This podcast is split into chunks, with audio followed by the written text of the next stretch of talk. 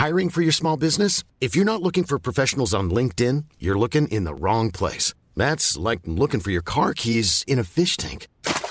LinkedIn helps you hire professionals you can't find anywhere else, even those who aren't actively searching for a new job but might be open to the perfect role. In a given month, over 70% of LinkedIn users don't even visit other leading job sites. So start looking in the right place. With LinkedIn, you can hire professionals like a professional. Post your free job on linkedin.com slash people today.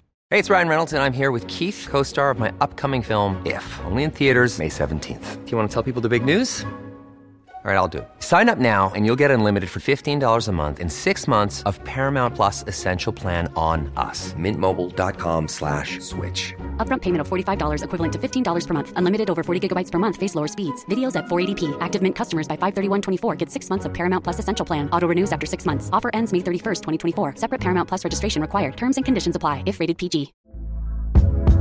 Hey there, it's Michelle Norris. I'm host of a podcast called Your Mama's Kitchen. When I travel, I'm usually looking for a way to find a taste of home when I'm not at home. And one of the things I love to do when I am at home is entertain. And Airbnb allows me to do that. When I was in California recently, I rented a house that had a great kitchen. And when we were sitting around the table, we're all thinking, we're in someone else's house. Someone could be in all of our homes as well. If you have a home, but you're not always at home, you have an Airbnb. Your home might be worth more than you think. Find out how much at airbnb.com/slash host.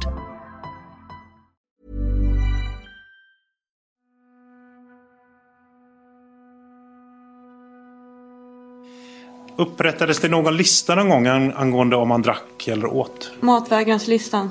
Gjordes det någon gång? Ja, det sattes på dörren. Det sattes på dörren. Det döljer sig fler mysterium bakom den här tragiska händelsen. Enligt Sollentuna häktets rutiner så ska en så kallad mat och dryckvägranslista upprättas om en intagen vägrar äta eller dricka eller av annan anledning inte får i sig maten som serveras. Denna lista sätts upp på dörren till cellen och fylls i av kriminalvårdarna. Vi hör kriminalvårdaren Sandra. Det sattes på dörren? Ja. Är du säker på det? Eller är du säker på att det var så? Det ska upprättas. Tycker du att det fanns skäl att upprätta det i det här fallet beträffande Ali? Ja, alltså, ja. Och varför då? För han inte åt maten. Okej. Sandra är osäker, men har minnesbilder av att en mat och dryckvägranslista upprättades. Åtminstone borde en sån ha upprättats. Även kriminalvårdaren Romeo är något osäker. Eh, fanns det någon mat och eh, dryckvägranslista beträffande Ali? Vet du det? Jag skulle nog säga att ibland så fanns det, ibland inte. Okej. Vet du vad de i så fall tog vägen, den som eventuellt fanns? Nej, vet Nej. jag inte. Finns, blev det någon uppföljning av de här listorna? Inte vad jag minns. Ja. Polisens utredare hittar aldrig någon sån här lista. Och hade den funnits hade den med största sannolikhet sparats. Sattes det upp någon sån här vätskel eller matlapp? Det minns jag faktiskt inte. Nej. Vi hör kriminalvårdaren Sandra. Om det hade gjorts det, tror du att du hade kommit, på, kommit ihåg det? Att du hade skrivit på någon sån? Om det hade funnits, hade du kommit ihåg det då tror du? Jag, jag vet faktiskt inte. Eftersom det är så länge sedan så kommer jag inte ihåg alls. Han tog emot maten i de flesta fall. Och i de flesta fall så kom matlådorna ut tomma precis som man skulle ha ätit. Enligt kriminalvårdaren Micke var det svårt att bedöma vad Ali fick i sig. Matlådorna kom ut tomma, vilket indikerade att maten blivit förtärd. Samtidigt som det var tydligt att mat och vatten också låg utspritt på golvet och på väggarna. Så ni, maten kom in och matlådorna var tomma, men ni vet inte om det hamnade på väggen eller i hans mage? Ja. Är det så jag ska för, Ja. förklara? Eller förstå Ja. mig? Har du någon gång eller någon av dina kollegor sett att han har ätit? Ja, Jag har inte sett att han har ätit. Nej. Vätska, vatten. Har du någon uppfattning om, om hur om och hur Ali fick vatten? Alltså, så, länge, så länge vattnet var på i bostadsrummet så har han ju fri tillgång till vatten. Mm. Och om det inte var på den? Ja, då ska man ju enligt regelver- äh, regelverket tillse att det finns vatten utanför bostadsrummet så man följer på vid måltider och, äh, och vid när han själv så begär. Ja. Vet du hur det gick till i Alis fall angående detta? Jag minns inte. Nej. Och någon mat och dryckvägranslista har inte Micke sett till. Har inget minne att det fanns några som helst blanketter om matvägran eller eh, eh, eh, vätska. Nej. Jag eh, uppfattade aldrig att att det skulle vara förekom någon anledning eftersom e- eftersom man uppfattningen, den allmänna uppfattningen var ju att han åt. Mm. Fast, Men- vi inte, fast vi inte kunde avgöra det. Kriminalvårdaren Maria berättar att hon den 8 maj, dagen innan Ali dog, var den som på morgonen serverade Ali frukost. Men den här dagen kom han fram till luckan. Ja, den 8 maj. vid frukostdagen. Och vad sa du? Vad, vad, vid frukost? Gav du honom någonting vid frukost? Ja, vatten och mat. Tog han emot maten? Ja, drack drack. han Ja. och åt han? Men den här uppgiften reagerar Alis familjs målsägande beträde Ulrika Borg på. Uppfattade jag dig rätt? Att du sa att du träffade Ali eh, och eh, på morgonen här och du skulle dela ut frukost? Det stämmer. Först kollar vi till dem när vi börjar klockan sju. Eh, Och sen delar vi ut frukost runt åtta. Och då var, var det vid det tillfället som du skulle sett honom dricka ett glas vatten? Ja, han drack vatten då. Den här uppgiften skiljer sig från vad Maria uppgav i sitt polisförhör som hölls i juni, en månad efter Ali dog. Och sen står det till exempel Ali hade ju inte fått mat eller vatten på hela måndagen. Vi försökte ge honom mat men han tog inte emot den. Vi hade fått ett mejl från Johan om att vi inte behövde ställa in maten eller vattnet på hans rum längre. Okej. Eh, Ja, som sagt, jag vet inte om han åt maten. Det kan inte jag svara på. Ja, här står det ju han har inte fått mat eller vatten på hela måndagen. Har du verkligen klara bilder av att du hade delat ut vatten Ja. till honom? Hur kommer det sig att du har sagt så här till polisen? Då? Ja, jag vet inte. Tror du att de antecknat fel eller kan det vara så att du sa så här vid det här förhöret som hölls i juni? Ja, 2017. Svårt att spekulera. Jag kan inte säga varför det står så eller hur jag tänker nu. Men jag tänker att mat vet jag som sagt ingenting om. Om han åt eller inte under den dagen. Det här med ett mejl från Johan, vad var det? Är det någonting Jag som... inte ens ihåg faktiskt. Nej. Men du ifrågasätter inte dina egna uppgifter eller Nej. ifrågasätter du Nej, anteckning? Jag kommer väl ihåg bättre då tänker jag än vad jag Ja. gör nu. Det mejl som Maria åsyftar skulle kanske kunna vara det mejl som Johan skickar ut till sin personal den 5 maj. Där han instruerar dem att ställa maten i en postlåda för att sedan öppna luckan till Alis cell och låta lådan glida ner vid öppningen av luckan. Detta för att minimera risken att bli träffad av den mat och det skräp som Ali annars kunde kasta på kriminalvårdarna och som de flaggat för var besvärligt. Johan avslutar det mejlet med citat “Om han inte vill ha maten behöver han inte hämta den”. Jag minns den första och så minns jag det tillfället när jag ganska bestämt bad Johan följa med ut eh, i, eh, på obsavdelningen där Ali satt. När Kriminalvårdaren Micke är helt säker på att han fem dagar innan Ali avled fick nog av att ingen åtgärd togs för att förbättra Alis mående och då drog med avdelningschefen Johan till Alis cell. Så den 4 maj alltså? Ja. ja. Och varför tar du med honom ut och visar rummet? Ja, för att på något sätt visualisera att det här är fullständigt ohållbart. Ja. Och vad säger du till Johan? Hur uttrycker du? Jag uttrycker mig ungefär så här att det här, det här är fullständigt galet. Vi måste, så här kan vi inte ha det. Nej. Utan vi måste göra någonting åt det. Säger du någonting mer? Det är möjligt att jag nämner att jag säger att han inte ska vara kvar. För jag, Möjligt, jag kommer inte ihåg. nej, som- jag förstår det. Det är, lä- det är länge sedan. Eh, och det är väl många klienter som passerar förbi, antar jag. Sen dess. Sidan 89 finns ett förhör med dig. Det hölls ju ett förhör den 19 juni förra året, 2017. Drygt månad efter. Ja.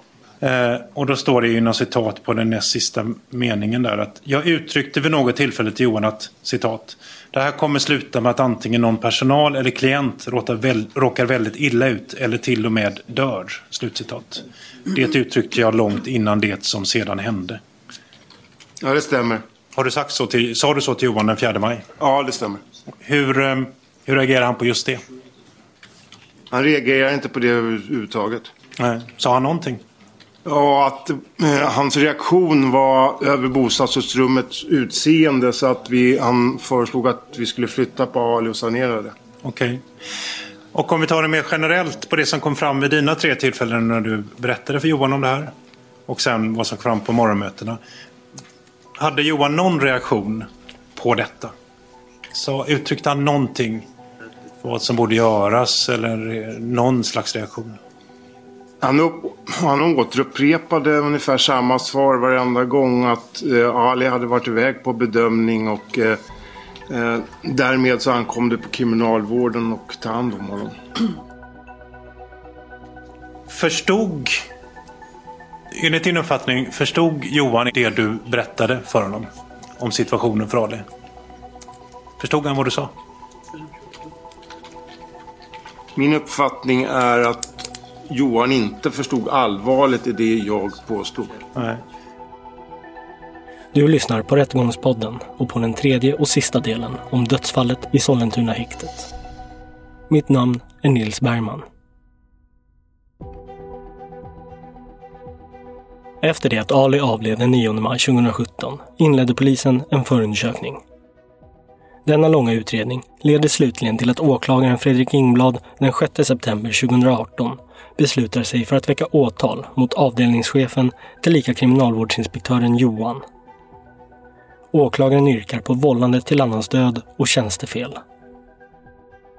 I stämningsansökan skriver åklagaren citat Utredningen visar att Ali, som avled under häktestiden, var placerad i avskildhet. Vattnet i cellen var under längre perioder avstängt och han var i övrigt starkt påverkad av psykisk ohälsa eller sjukdom. Trots dessa förhållanden har den ansvariga kriminalvårdsinspektören inte sett till att Ali i tid blev undersökt av en läkare eller på annat sätt kom under adekvat vård. Eller i vart fall inte lämnat information till andra personer om Ali, som då kunnat besluta om nödvändiga åtgärder. Jag menar att utredningen sammantaget visar att kriminalvårdsinspektören genom sin underlåtenhet att i tid vidta dessa åtgärder har orsakat den häktade mannens död. Slutcitat. Vi hör nu tingsrättsförhören med den tilltalade Johan. Ehm, advokaterna kommer ju ställa frågor, men det kanske är någonting som du vill säga först. Och det är bra om du hamnar nära mikrofonen också. Kan jag säga. Nej. Nej, då ska vi höra om åklagaren har någon fråga. Jag kan väl egentligen börja ställa den här frågan eh, som hänger lite i luften som du kan få utveckla. För det är ju, du ifrågasätter väl inte att Ali dog av uttorkning? Det som Nej. rättsläkaren säger helt enkelt. Och det gjorde han ju under tiden han satt häktad på din avdelning 5. Ja. Det är riktigt. Först, har du någon förklaring till varför han dog av vätskebrist? Eh, inte annat än att han troligtvis inte fick i sig tillräckligt med vätska. Ja, och varför fick han inte det? Det kan jag inte svara på så. Eh, vi har haft två klienter som båda har suttit bredvid varandra under, med båda med avstängt vatten. Ja. Och eh, i det ena fallet så är klient, lever klienten och det har varit exakt samma rutiner, exakt samma uppföljning. Ja. Eh, den eh, rutin som, jag, som vi jobbade på med eh, när vi stängde av vätskan, det kan sägas att det var ju ett vakthavande befäl initiellt som gjorde det. Och eh, han vidtog inte några andra rutiner eller kontrollåtgärder än det jag gjorde. Eh, och har du två klienter som du går och delar vatten till och den ena får vatten och inte den andra, då har du ju ett skäl att agera på det här Mm. i det avseendet som kriminalvårdare. Ja. Utöver det så sätter vi på vatten när de ber om det så att det sker under uppsikt. Du kan fylla handfatet, du kan spola. Eh, och det ser vi att det har skett också. Eh, särskilt som att han lyckades vattenfylla bostadsrummet trots att vattnet egentligen skulle vara avstängt. Vilket jag tycker talar för att min bedömning av att den risken var överhängande och därmed eh, att vattnet skulle varit avstängt. Ja. Vi kommer tillbaka till detaljer men jag ville först bara se om du har någon så att säga, en allmän förklaring till varför det tragiska hände. Men du, du har egentligen ingen förklaring Eh. till varför det hände annat än att du förklarar det på det sättet du säger nu. Men det är ingenting mer du vill tillägga så här i början angående det? Nej. Som kriminalvårdsinspektör har Johan flera olika arbetsuppgifter, befogenheter och beslutsbehörigheter. Bland annat så har han personalansvar för samtliga kriminalvårdare, vakthavande befäl och den inhyrda sjukvårdspersonalen som de har på Sollentunahäktet. Han utför beslut kring klienter tillsammans med klienthandläggare samtidigt som han har ett budget och arbetsmiljöansvar, ansvarar för schemaläggning och verksamhetsanalys. Han ansvarar också för tillsyner av intagna om det så rekommenderas av sjukvården och utöver det tillkommer även allmänna administrativa uppgifter. Det är mycket på hans bord och stora delar av dagen tillbringar han på sitt kontor eller i olika möten. Håller du med om att Ali inte fick sin medicin? Det håller jag med om. Mm. Åklagaren går rakt på sak och frågar Johan om den första oklarheten i det här målet. Hur det kommer sig att Ali aldrig fick den medicin han var ordinerad. Och vad var det som gick fel då?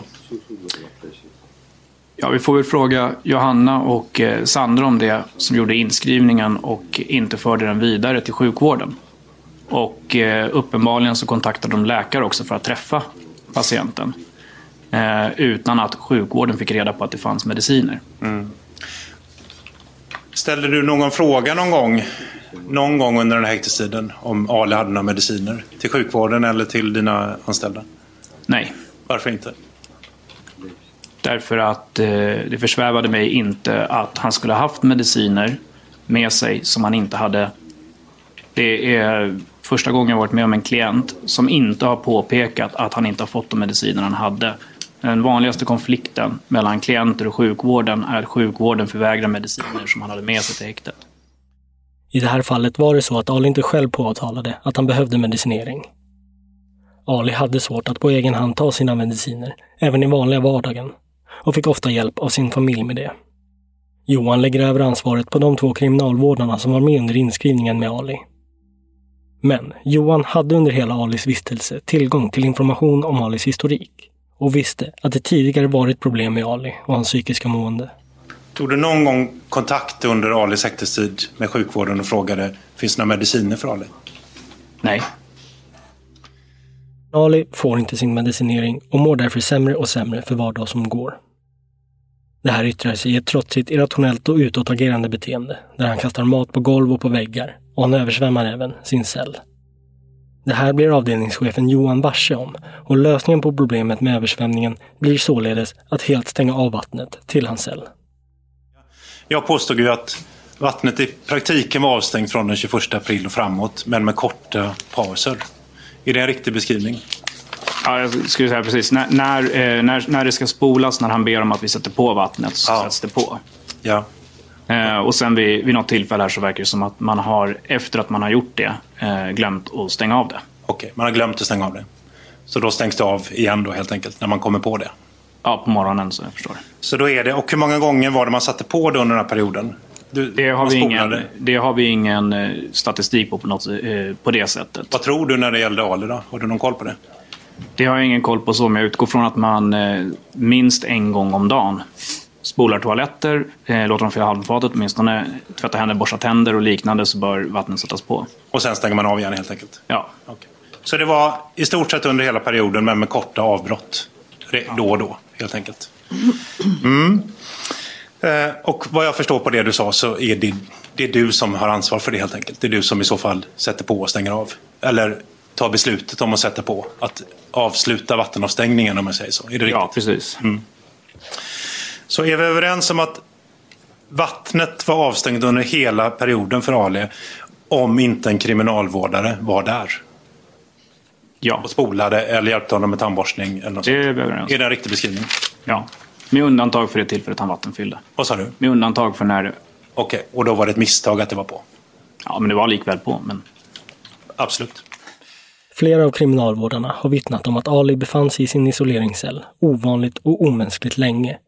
I hela tre veckor. De anser att han borde ha flyttats vidare till någon annan instans som kan ta bättre hand om honom redan efter en vecka. Men Johan tycker inte att tre veckor i isoleringscell är några konstigheter. Eh, hur länge bör man vara avskild så att säga? Kan man säga något generellt om det? Hur...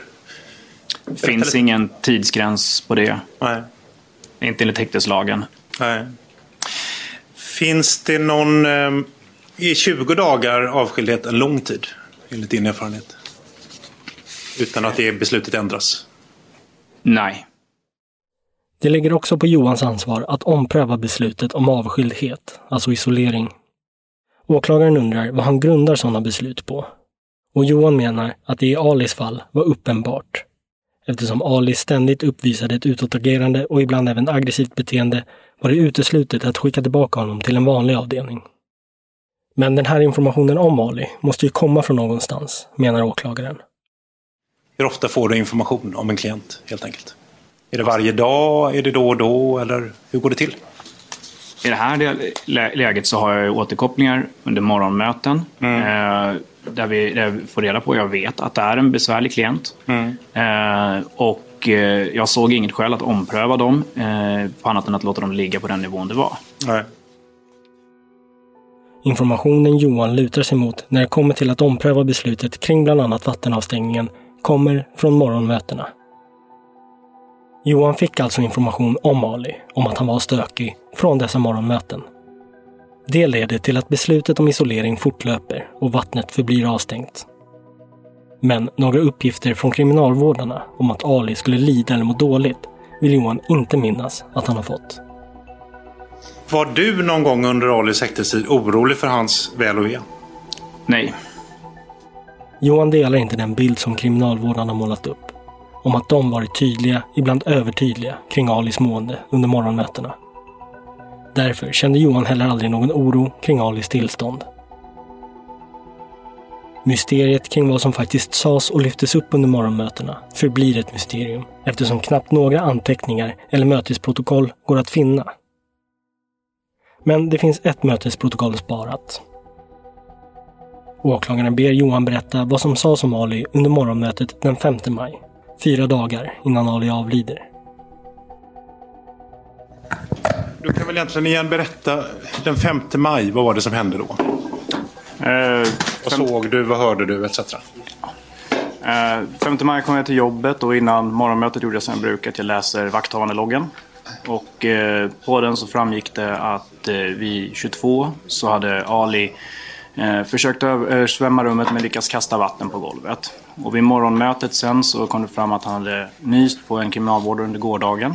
Du ska och, se bara i, lite långsammare. långsammare. Ja. Nyst på en kriminalvård under gårdagen och att Ali var blöt. Och då sa jag att vi då ska vi byta bostadsrum på honom till ett sanerat rum.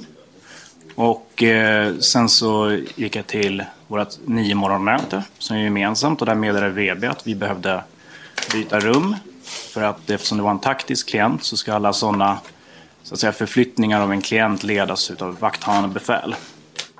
Så under det här mötet tycks man ha diskuterat Alis situation. Vilket också resulterade i att han fick sitt rum sanerat. Men åklagaren tycker att det är anmärkningsvärt att informationen om vad som sagts i morgonmötena inte går att finna någonstans. Uh, vi efterfrågade, eller polisen efterfrågade ju de här mötesprotokollen. Ja. Men uh, fick inte ut några sådana mötesprotokoll. Har du någon förklaring till det när vi efterfrågade det? Det jag kan säga där som är att eh, det fanns få från den här tiden sparade mötesprotokoll och vad som var är att det är en kriminalvårdare som jobbar i korridoren den dagen som är ordförande på mötet och för ett mötesprotokoll. Han skriver mötesprotokollet digitalt i ett Word-dokument. Eh, jag har suttit på mötena och sett honom fylla i de här delarna. Och efter det så sparas det i en mapp med morgonmötesprotokoll för avdelningen efter datum. Så eh. du, är, du är med på de flesta möten när du kan? Ja. Och sen så kontrollerar det att det antecknats? Jag ser att det antecknats under mötet för jag ser skärmen, att han, vad han skriver ner. Så du är som någon slags justerare, eller hur ska man se det? Ja, alltså jag, jag ser ju, jag tycker att eh, heter det, han har fyllt i. Så ungefär den information som, och det finns ingen anledning för mig att klaga på den. Sen har de sparats in där. Och det enda protokollet som, som finns här då är det du lämnade in nu och det är från den 5 maj. Är det riktigt? Ja, vi, vi, kan eh, kolla med kriminalvården igen om de kan hitta. Men det som... Eh, det enda mötesprotokollet som Johan lyckas skrapa fram efter påtryckningar från polisens utredare är just det från den 5 maj. När åklagaren läser det ser han dock inte att Ali nämns någonstans. På det här protokollet, finns det någonting antecknat om Ali? På det från den 5 maj? Nej. Varför inte? Ja, därför att eh, troligtvis så kom det inte upp någon information som motiverades att skrivas upp på det protokollet. Fast du sa ju när du började berätta om den 5 maj att det var ett möte där man tog upp och pratade om Ali. Vi tog upp och sa att han var blöt där. Varför står inte den informationen då? Det som har hänt dagen innan.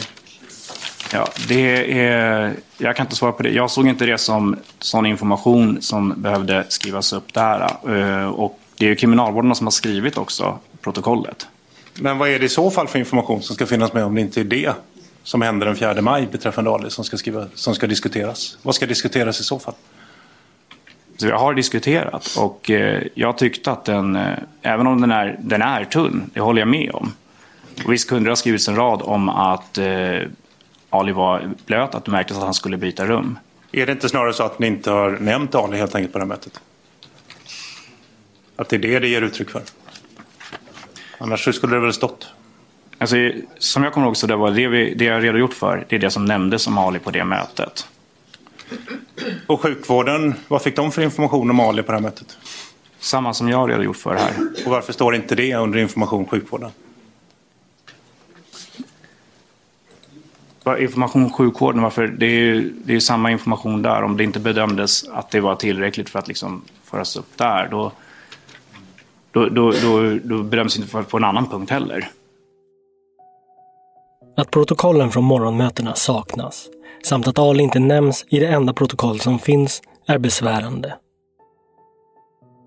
Ali gick kraftigt ner i vikt under häktestiden.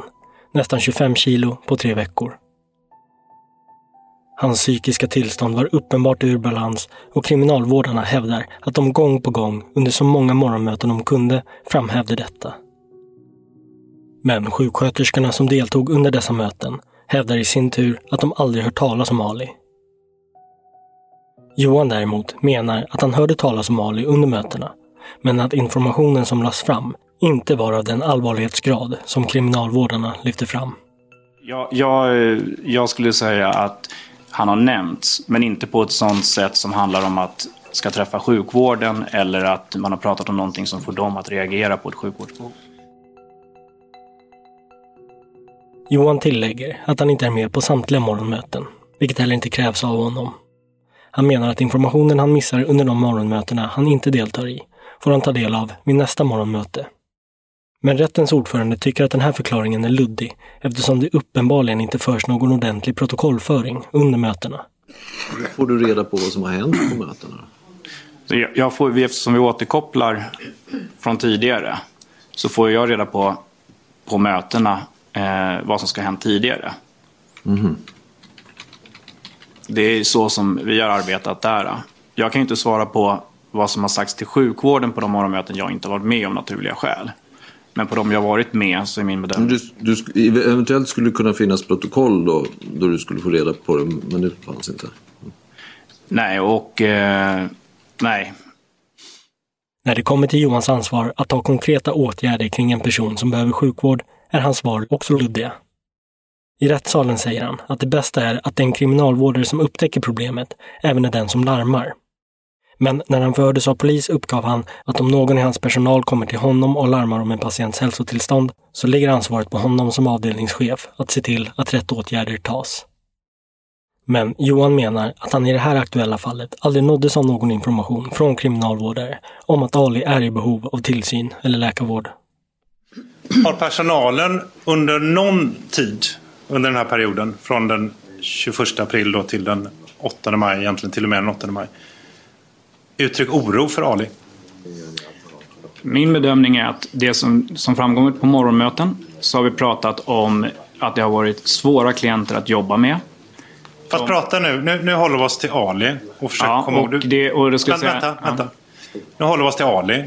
Ja. Och som frågan var, har någon av din personal under den här perioden, det här har du ju kunnat tänka på väldigt länge för det här, du, du, det, det var något traumatiskt som hände. Ja. Oavsett skälet till det. Har din personal under, från den 21 april till och med den 8 maj uttryckt oro för Ali? Nu pratar vi bara om Ali. Pratar vi bara om Ali? Nej, det är ingen som Nej, har... svarar du på det? Ja, det är Ingen har sagt någonting. Låt Johan Ja, svara klart. Det blir lite väl aggressivt. Det är ingen som har talat om för mig att han behöver träffa sjukvården. Det är ingen som har informerat mig om att eh, det skulle förevara några somatiska problem med honom. Snarare så har jag fått incidentrapporter på att han har slagits.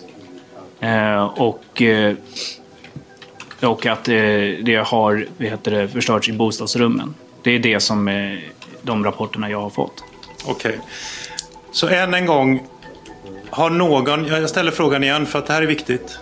Är det någon ur personalen som har uttryckt oro oavsett vad det beror på? Somatiskt, psykiskt, mat, vad som? Oro för personalen, vad som? Har någon ur personalen till dig under den här tiden uttryckt oro för Ali? Inte som jag minns. Inte som du minns? Nej. Nej. Och du har ju läst förundersökningen antar jag? En hel del säger att de har gjort detta. Ja, och jag håller inte med om det. De, det är inte sant helt enkelt? Eller vad du Nej, minns? det har diskuterats som ett arbetsmiljöproblem. Mm. Den sista veckan i Alis liv, från den 2 maj och framåt, försämrades Alis mående rejält. Tänker du någonting den veckan vad det angående hur Ali har det och hur han mår och varför han gör på det här sättet? Det här är inte... Det här, det här är... På en sån här avdelning så händer det löpande att vi får in klienter som är frustrerade och eh, som har problem med aggressioner och liknande. Och man river sönder matlådor, man river sönder vissa saker och då ger vi dem nya. Började du inte fundera någonting kring Alis mående, psykiska mående? I den veckan 2 till 5 maj? Nej. Och det här får ju, men det, det här ska ju också ställas i kontexten av att eh, det har genomförts närvarokontroller som jag har fått. Eh, vi har haft morgonmöten där ingenting har framkommit som fått mig eller sjukvården att reagera.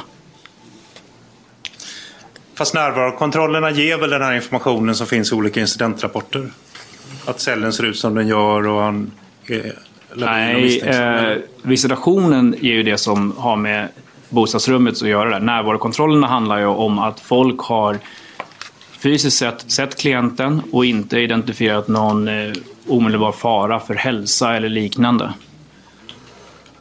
Men det, du funderar inte, bara så vi är överens om det, den här veckan då? Att Nej. vidta någon åtgärd, tillkalla någon sjukvård, fundera över ett vårdintyg, att tillkalla sjukvård som kan fundera över vårdintyg. Ingen sån fundering eller? Nej, jag hade inga funderingar på att tillkalla sjuk- eh, sjukvården till honom. Inte alls det. Åklagaren frågar Johan vad för faktiska kontroller som utförs på att en intagen äter och dricker. Johan svarar att det är kriminalvårdarna som delar ut maten och eftersom det även sker visiteringar, alltså kontroller av rummen dagligen, så kommer de då att se om maten är utslängd. Och om så är fallet så ska de meddela sjukvården om att den intagne matvägrar. Vad är det för, om vi pratar om, inte generellt nu, utan om Ali. Vad, finns det någonstans antecknat eller finns det några uppgifter någonstans att man har kontrollerat hans mat och vätskeintag? Det finns eh, uppgifter om att han har avstått mat vid två tillfällen. Ja. Vilket leder mig till att tro att man har kontrollerat hans mat och vätskeintag på det sättet. Men att avstå är väl bara att säga att den inte ska placeras in, eller vad menar du? Ja, men om man har dokumenterat att han antingen inte tar emot maten eller att eh, han slänger ut den eller någonting liknande. Men i det här läget inte tar emot maten. Då har man ju också, eh, då, då tolkar jag in det i att man, har, att man får koll på att han äter maten. Har du någon uppfattning om det? Har du gjort någon koll med din personal om han har ätit eller druckit ordentligt? Det har jag inte gjort. Nej.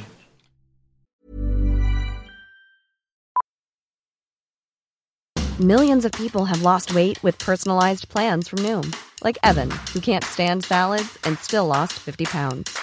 Salads, generally, for most people, are the easy button, right? For me, that wasn't an option. I never really was a salad guy. That's just not who I am. But Noom worked for me. Get your personalized plan today at Noom.com. Real Noom user compensated to provide their story.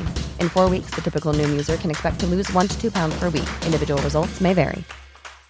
How would you like to look five years younger? In a clinical study, people that had volume added with Juvederm Voluma XC in the cheeks perceived themselves as looking five years younger at six months after treatment. Look younger, feel like you. Add volume for lift and contour in the cheeks with Juvederm Voluma XC. Reverse signs of aging by adding volume to smooth laugh lines with Juvederm Volure XC. For important safety information and to find a licensed specialist, visit juvederm.com. That's J U V E D E R M.com. Not for people with severe allergic reactions, allergies to lidocaine, or the proteins used in Juvederm. Common side effects include injection site redness, swelling, pain, tenderness, firmness, lumps, bumps, bruising, discoloration, or itching. There's a risk of unintentional injection into a blood vessel, which can cause vision abnormalities, blindness, stroke, temporary scabs, or scarring. Talk to a licensed specialist to find out if it's right for you. Hey, it's Ryan Reynolds, and I'm here with Keith, co star of my upcoming film, If, only in theaters, May 17th. Do you want to tell people the big news? All right, I'll do it. Sign up now and you'll get unlimited for $15 a month in six months of Paramount Plus Essential Plan on us. Mintmobile.com slash switch. Upfront payment of $45 equivalent to $15 per month. Unlimited over 40 gigabytes per month. Face lower speeds. Videos at 480p. Active Mint customers by 531.24 get six months of Paramount Plus Essential Plan. Auto renews after six months. Offer ends May 31st, 2024. Separate Paramount Plus registration required. Terms and conditions apply if rated PG. Eh, den här blanketten för mat och vätskevägran. Ja. Eh, anser du att den också kan gälla om någon är så att säga, psykisk eller för en del somatiskt påverkad? Så att man själv inte kan ta vätska så att man blir orolig över det? Eller är det bara när någon medvetet vägrar ta emot mat och vätska? Alltså, det, nu, nu är den ju skriven så att det skulle vara någon som meddelar. Men jag tolkar den som att eh, den som har misstanke om att eh, pers en person inte äter Ja. eller dricker eh, meddelar sjukvården om det. Oavsett anledning, även om det är medvetet eller så att säga omedvetet. Det, det är svårt att... Alltså, och, även om det skulle vara så att eh, man inte säger någonting Mm. så kan man ju ändå göra en vägran i fast dolt så att säga. Så att jag, jag ser ingen skillnad till att göra. Nej. Om, och det kan vara på grund av psykisk sjukdom helt enkelt. Och då kan den också vara tillämpbar, eller hur, hur är rutinerna? Det lät som svaret var ja på den frågan. Ja. Alltså, det är, ta- tanken är ju att du ska följa upp om du misstänker att en person eh, inte äter. Gjorde du, beträffande Ali, säkerställde du på något sätt att Ali fick i sig tillräckligt med vätska? Eh, inte mer än vi har de rutiner vi har, som jag inte hade något skäl att ifrågasätta. Nej. Vi hade två klienter som hade avstängt vatten under samma förutsättningar. Och eh, vi har två kriminal... lite långsamt. Enligt rutiner vi har hade två klienter med avstängt vatten. Ja. under samma förutsättningar. Och eh, eftersom du har två kriminalvårdare som jobbar 10 timmars pass på avdelningen och de delar vatten till båda Två klienterna. kriminalvårdare jobbar 10 timmars pass och de delar vatten sa du? till båda klienterna. Och det är, då är det ganska, som jag ser det, självklart att om en person eh, får vatten och inte den andra så har man misstanke om den andra klienten. Och i det här läget så, eh, så har den andra klienten druckit vatten, den medintagna, under hela den här tiden. Eh, och eh, jag hade inget skäl att tro att eh, Ali inte skulle göra det. Johan tar nu upp den så kallade stökiga medintagnes tillstånd som något slags stöd till bedömningen av Alis tillstånd. Johan tycks mena att åtgärderna kring mat och dryck funkade för denna medintagna och borde därför ha funkat även för Ali. Det här låter inte riktigt som en hållbar rutin, menar rättens ordförande som hoppar in. Men där- där det här måste- med, det här, förlåt, allmänna rutiner var inte kopplat till att man går efter en intagen och tittar på den andra. För det känns inte riktigt som en rutin, eller Jag säger, den allmänna tiden är att man lämnar vatten hela tiden till klienterna när de begär det och vid olika tillfällen. Eh, och I det här fallet så hade vi haft en som hade avstängt där tidigare och det inte varit några konstigheter med. Alltså utgick jag från att de rutinerna fungerar. Det borde ha funnits en tydligare plan kring säkerställandet av vattentillförsel för en intagen som fått sitt vatten avstängt. Det framgår i den internutredning som utfördes efter att Ali avled. I den står det citat om man beslutar om den ingående åtgärden om att stänga av vattentillförseln för klienten i rummet bör det finnas en plan för att säkerställa att hen har tillgång till i vart fall vätska av något slag. Inte minst om klienten i fråga, som i fallet Ali under längre tid, både är okontaktbar och uppträder förvirrat. och uppträder förvirrat. Ansvaret för att upprätta en plan och säkerställa att klienten har kontinuerlig tillgång till någon form av vätska i dessa fall anser utredaren bör ligga på kriminalvårdsinspektören för avdelningen. Håller du med om den påståendet och slutsatsen? Ja, och vad han syftar på där, det är, som jag läser in i det, att det ska finnas en plan att det är säkerställt vätska dygnet runt. Inte att det ska vara en vätskekontroll. Har det funn- men det har inte funnits någon plan i enlighet med det som utredaren De, eh, jag jobbade efter samma rutiner som man har jobbat på på Sollentuna. Den vakthavande befälet som stängde av vattnet initiellt och som dessutom jobbade samma helg eh, efteråt jo, säkerställde ingen sån plan eh, i det avseendet. Och eh, jag har arbetat efter samma rutiner efteråt. Vilket jag menar tyder på att jag har följt de lokala instruktioner och det sättet vi har arbetat på på Sollentuna. Däremot sen så lyfter utredningen fram en förbättringsdel. Att, man, att, man, att vi ska säkerställa på annat sätt, exempelvis med tillbringare i rummet. Anser du att du som kriminalvårdsinspektör och chef är den som har ansvaret för detta? I enlighet med vad då utredaren skriver. Ja. Men som utredaren också skriver så är det inte säkert att det skulle påverkat utgången. Men vi är överens om att det inte fanns en sån plan i vart fall. Beträffande just Ali. Rutiner är en sak, men plan beträffande Ali. En plan för att han skulle ha haft där, alltså gjorde jag bedömningen där och då att han skulle ha haft det utifrån eh, att vi ställde in muggar och liknande. Han har möjligheten att fylla handfatet, man har, eh, man har möjligheten att sätta på vattnet när han ber om det. Och om han nu inte skulle göra det så kommer det uppmärksammas. Särskilt som vi har en annan klient under samma omständigheter som uppenbarligen gör detta. Och det här du nämner och så, har du pratat med personalen om det och sagt att så här ska vi göra beträffande Ali? Alltså, vi har ju följt de rutiner som har gällt sedan tidigare. Och vi har inte gjort något särskilt kring Ali, utan vi har jobbat som vi har jobbat med alla klienter under de här omständigheterna. Men har du sagt någonting till personalen att så här ska ni göra beträffande Ali när det gäller mat och vätska? Nej. Nej. Jag ställde ju eh, frågan först. Den första frågan jag ställde var ju angående det. Vi är överens om att Ali avled av uttorkning.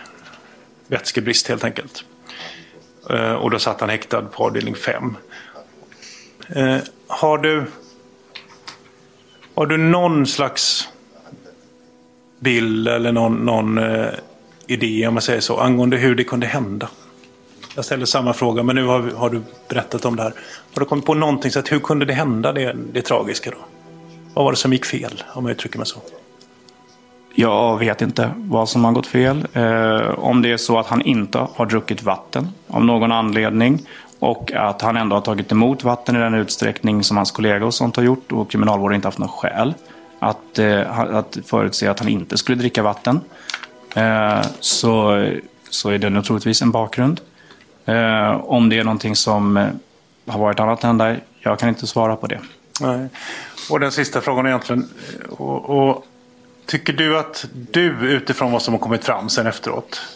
Och, och saker och ting behöver inte vara brottsliga men man kan liksom göra fel ändå. Tycker du att du kunde gjort någonting annorlunda så här med facit i hand?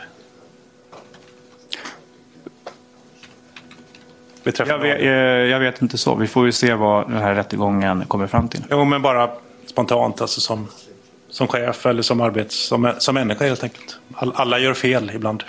Mm, och jag har inget bra svar just nu. Du kan inte komma på något som du kunde gjort annorlunda? Eh, vi får ju se sen i slutet av den här rättegången. Okej, tack.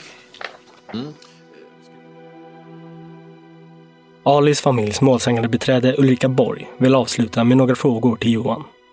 Hon har reagerat på att Johan vid flera tillfällen refererat till den så kallade stökiga medintagne. Hon tycker att det verkar som att Johan har grundat vissa beslut och bedömningar kring Alis situation utifrån vad den medintagne klarat av eller inte klarat av. Jag får ju den uppfattningen att på något sätt så har det blivit så att de här två personerna har behandlats lite lika och att den här medintagna personen som har suttit något längre tid då än vad Ali har gjort, att det har blivit som att att Alis situation har på något sätt åkt in i hans situation och att det är han som har varit huvudpersonen på möten och att det är han som är huvudpersonen i anteckningar. Kan det vara på det sättet?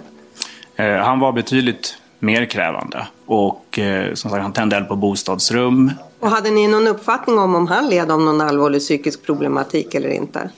Ja, det gjorde han inte. Nej. Eh, och, och det var dessutom så var han en ungdom i kriminalvårdens eh, betraktelser i de här delarna och hade suttit i gemensamhet.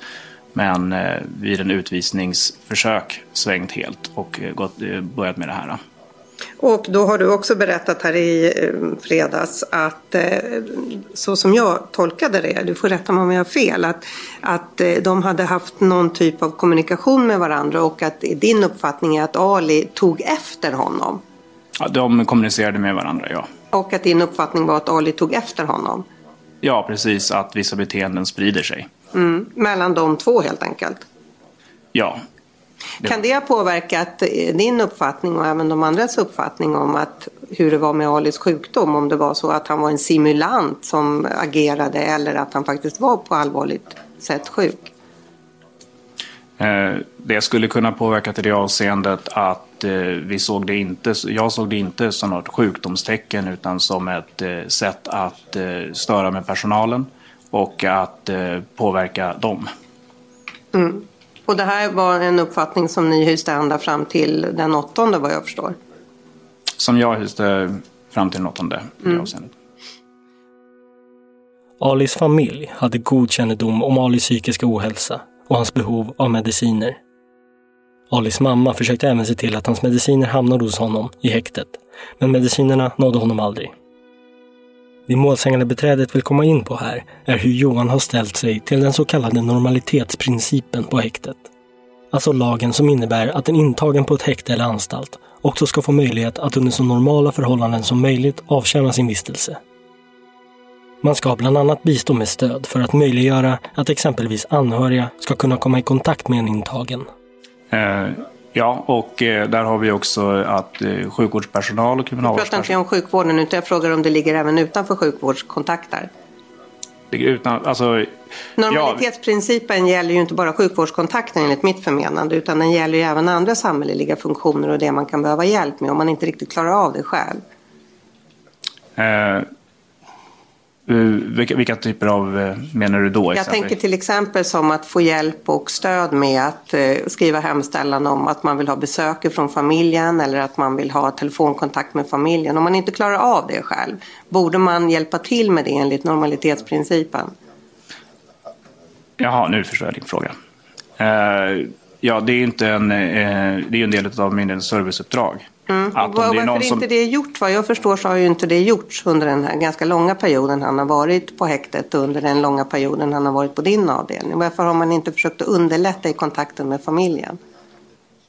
Eh, det för vi kan inte vi kan inte höra av oss till familjen och... Eh, Nej, men normalitetsprincipen påstår jag innebär att om man förstår att en person inte mår bra kan den också behöva hjälp att få kontakt med sin familj. Ja, nej, vi, vi, det måste ju vara den klienten som begär att få prata med sin familj. Ja, precis. Och då undrar jag om det finns någon funktion hos kriminalvården inom ramen för normalitetsprincipen att man också aktivt ska försöka hjälpa den personen att få kontakt med sin familj. Ja, under förutsättning att de skulle vilja prata med sin familj. Ja. Men, men, är, har men om inte... inte den personen själv kan förstå det eller mår så dåligt som vi har förstått Ali gjorde kan man vara behjälplig då att försöka se till att det blir en kontakt mellan familjen och den intagna? Om, om det är under sådana omständigheter så är ju sjukvårdskontakt det första. Inte Men familjen. det var inte min fråga.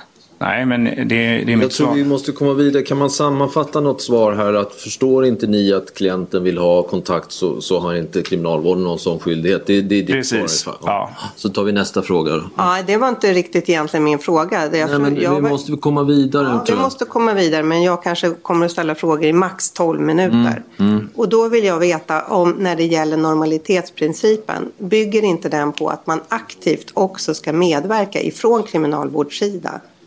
I ett möjligt behov av kontakter? Eh, Eller menar du att det gäller bara kontakter med sjukvården? Normaliseringsprincipen handlar om sjukvården. I de här delarna så har vi ju en serviceskyldighet att hjälpa klienter om det skulle vara blanketter eller liknande att fylla i eller eh, på annat sätt. Men då ligger ju ansvaret på dem att söka kontakt, att meddela sig om det. Men det är i alla fall eh, korrekt uppfattat av mig att det har inte gjorts några som helst ansträngningar ifrån någon på avdelningen för att Ali ska få ha kontakt med sin familj på ett eller annat sätt. Nej, det tror jag inte har gjorts. Nej, tack. Fredagen den 11 januari 2019 efter en lång handläggningstid kommer tingsrätten fram till ett beslut. De väljer att helt frikänna kriminalvårdsinspektören Johan från punkterna vållande till annans död och tjänstefel. Tingsrätten skriver i sin dom att åklagaren inte nått fram fullt ut med sin bevisning rörande vad Johan skulle ha tagit del av vid möten och besök i Alis rum och i övrigt. Tingsrätten skriver att Johan måste anses ha haft anledning att utgå från att sjukvården på häktet hade haft ett ankomstsamtal med Ali, att Ali därutöver hade träffat en läkare och att sjukvården på häktet alltså hade kunskap om Alis tidigare sjukvårdshistorik. När det gäller frågan om Alis intag av vätska ska beaktas att vattnet i hans rum var avstängt. I kriminalvårdens incidentutredning har bedömningen gjorts att om vattentillförsel i bostadsrummet stängs av bör det finnas en plan att säkerställa att den intagne har tillgång till i vart fall vätska av något slag och att ansvaret för att upprätta en plan och att säkerställa att klienten har kontinuerlig tillgång till någon form av vätska bör ligga på kriminalvårdsinspektören för avdelningen. Vad detta närmare innebär framgår inte av utredningen. Kriminalvårdsinspektören Johan och i princip samtliga kriminalvårdare har berättat att rutinen när vattnet är avstängt i rummet är att det ställs en vattenkaraff och muggar i korridoren utanför rummet.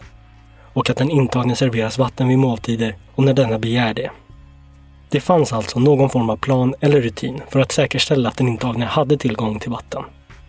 Rutinen synes ha följts både vad gäller Ali och den medintagne. Det finns inte tillräckligt med stöd i utredningen för vad kriminalvårdsinspektören Johan skulle ha fått för några indikationer på att rutinen var bristfällig eller att den inte fungerade för någon av de intagna eller att Ali inte fick i sig vätska. Mot denna bakgrund bedömer tingsrätten att Johan inte fram till måndagen den 8 maj 2017 hade anledning att tro att Ali inte hade tillgång till sin medicin eller var starkt påverkad av psykisk ohälsa. Tingsrätten anser vidare att det inte kunnat krävas av Johan att han skulle ha initierat en närmare undersökning av Ali samt intag av mat och vätska. Eller att han skulle ha agerat på det sätt som åklagaren har gjort gällande. Det vill säga att se till att Ali blev undersökt av en sjukvårdare eller att det beslutades om att vidta åtgärder för att kontrollera hans mat och vätskeintag. Att Johan inte agerat på det sättet kan därför vid en samlad bedömning av de omständigheter som är att beakta inte anses ha utgjort någon straffbar oaktsamhet. Men tingsrättens friande dom överklagas av åklagaren. Och den 6 juni faller en hovrättsdom. Hovrätten skriver att det är utrett att Johan vid två tillfällen har sett hur Alis bostadsrum såg ut och att han vid det senare tillfället beslutat att rummet skulle saneras. Han har uppgett att han såg att det fanns matrester och skräp på rummet men inte funderade över Alis psykiska mående under perioden 2 maj till 5 maj. Eftersom han inte fått någon information på morgonmötena om att Ali mådde dåligt. När det gäller Alis intag av mat och dryck har Johan uppgett att han sett uppgifter om att Ali avstått från mat vid två tillfällen och att det ledde honom till att tro att kriminalvårdarna kontrollerade att Ali åt. Men hovrätten kom till slutsatsen att Johan, enligt dessa egna uppgifter, då tagit del av flera varningssignaler rörande Alis beteende på häktet. Med hänsyn till Alis historik av psykisk ohälsa och att han genomgick en paragraf 7-utredning måste dessa varningssignaler också ha gett Johan anledning att misstänka att Ali inte var psykiskt frisk. Hovrätten anser också att kriminalvårdarna, som samtliga hörts under ed, har berättat i huvudsak samstämmigt om vad de har framfört på morgonmötena och direkt till Johan. De har berättat att de framförallt tagit upp Alis dåliga psykiska mående och att han gradvis blev sämre. Hovrätten bedömer att de uppgifterna som kriminalvårdarna har lämnat ska läggas till grund för bedömningen av vilken information om Alis situation som har nått Johan. Det måste anses uteslutet att Johan inte fått del av information som också framstod som starka varningssignaler när det gäller Alis psykiska mående. När det kommer till frågan om Johans underlåtenhet att agera orsakat Alis död resonerar hovrätten att Alis död föregicks av brister i flera led. Såväl på häktet som utanför häktet i samband med besök på Sankt Görans sjukhus. Det finns därför inte grund för slutsatsen att Johans underlåtenhet att agera var tillräckligt för att orsaka Alis död. Utan att den följden även förutsatte bristande agerande hos andra. Johan frikänns därför även av hovrätten för vållande till annans död. Men däremot ändrar hovrätten tingsrättens dom gällande tjänstefel. Hovrätten skriver att det inte råder någon tvekan om att underlåtenheter i Johans agerande skett vid myndighetsutövning. Som verksamhetsansvarig beslutsfattare i frågor som rörde de intagnas rätt att vid behov få hälso och sjukvård anser hovrätten att Johan hade ansvar för att se till att Ali blev undersökt av sjukvårdspersonal. Hovrätten konstaterar att Johan i vart fall den 4 maj hade fått indikationer som innebar att han borde ha sett till att Ali så snart som möjligt blev undersökt av sjukvårdspersonal. Genom att inte vidta några åtgärder för att säkerställa att Ali fick vård förrän den 8 maj har han genom oaktsamhet åsidosatt vad som gällde för uppgiften.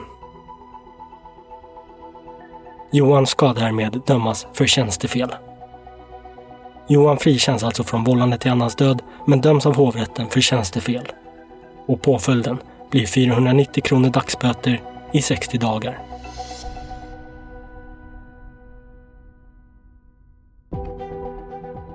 Du har lyssnat på Rättegångspodden om dödsfallet i Sollentuna häktet. Mitt namn är Nils Bergman. Stort tack till alla er som lyssnar.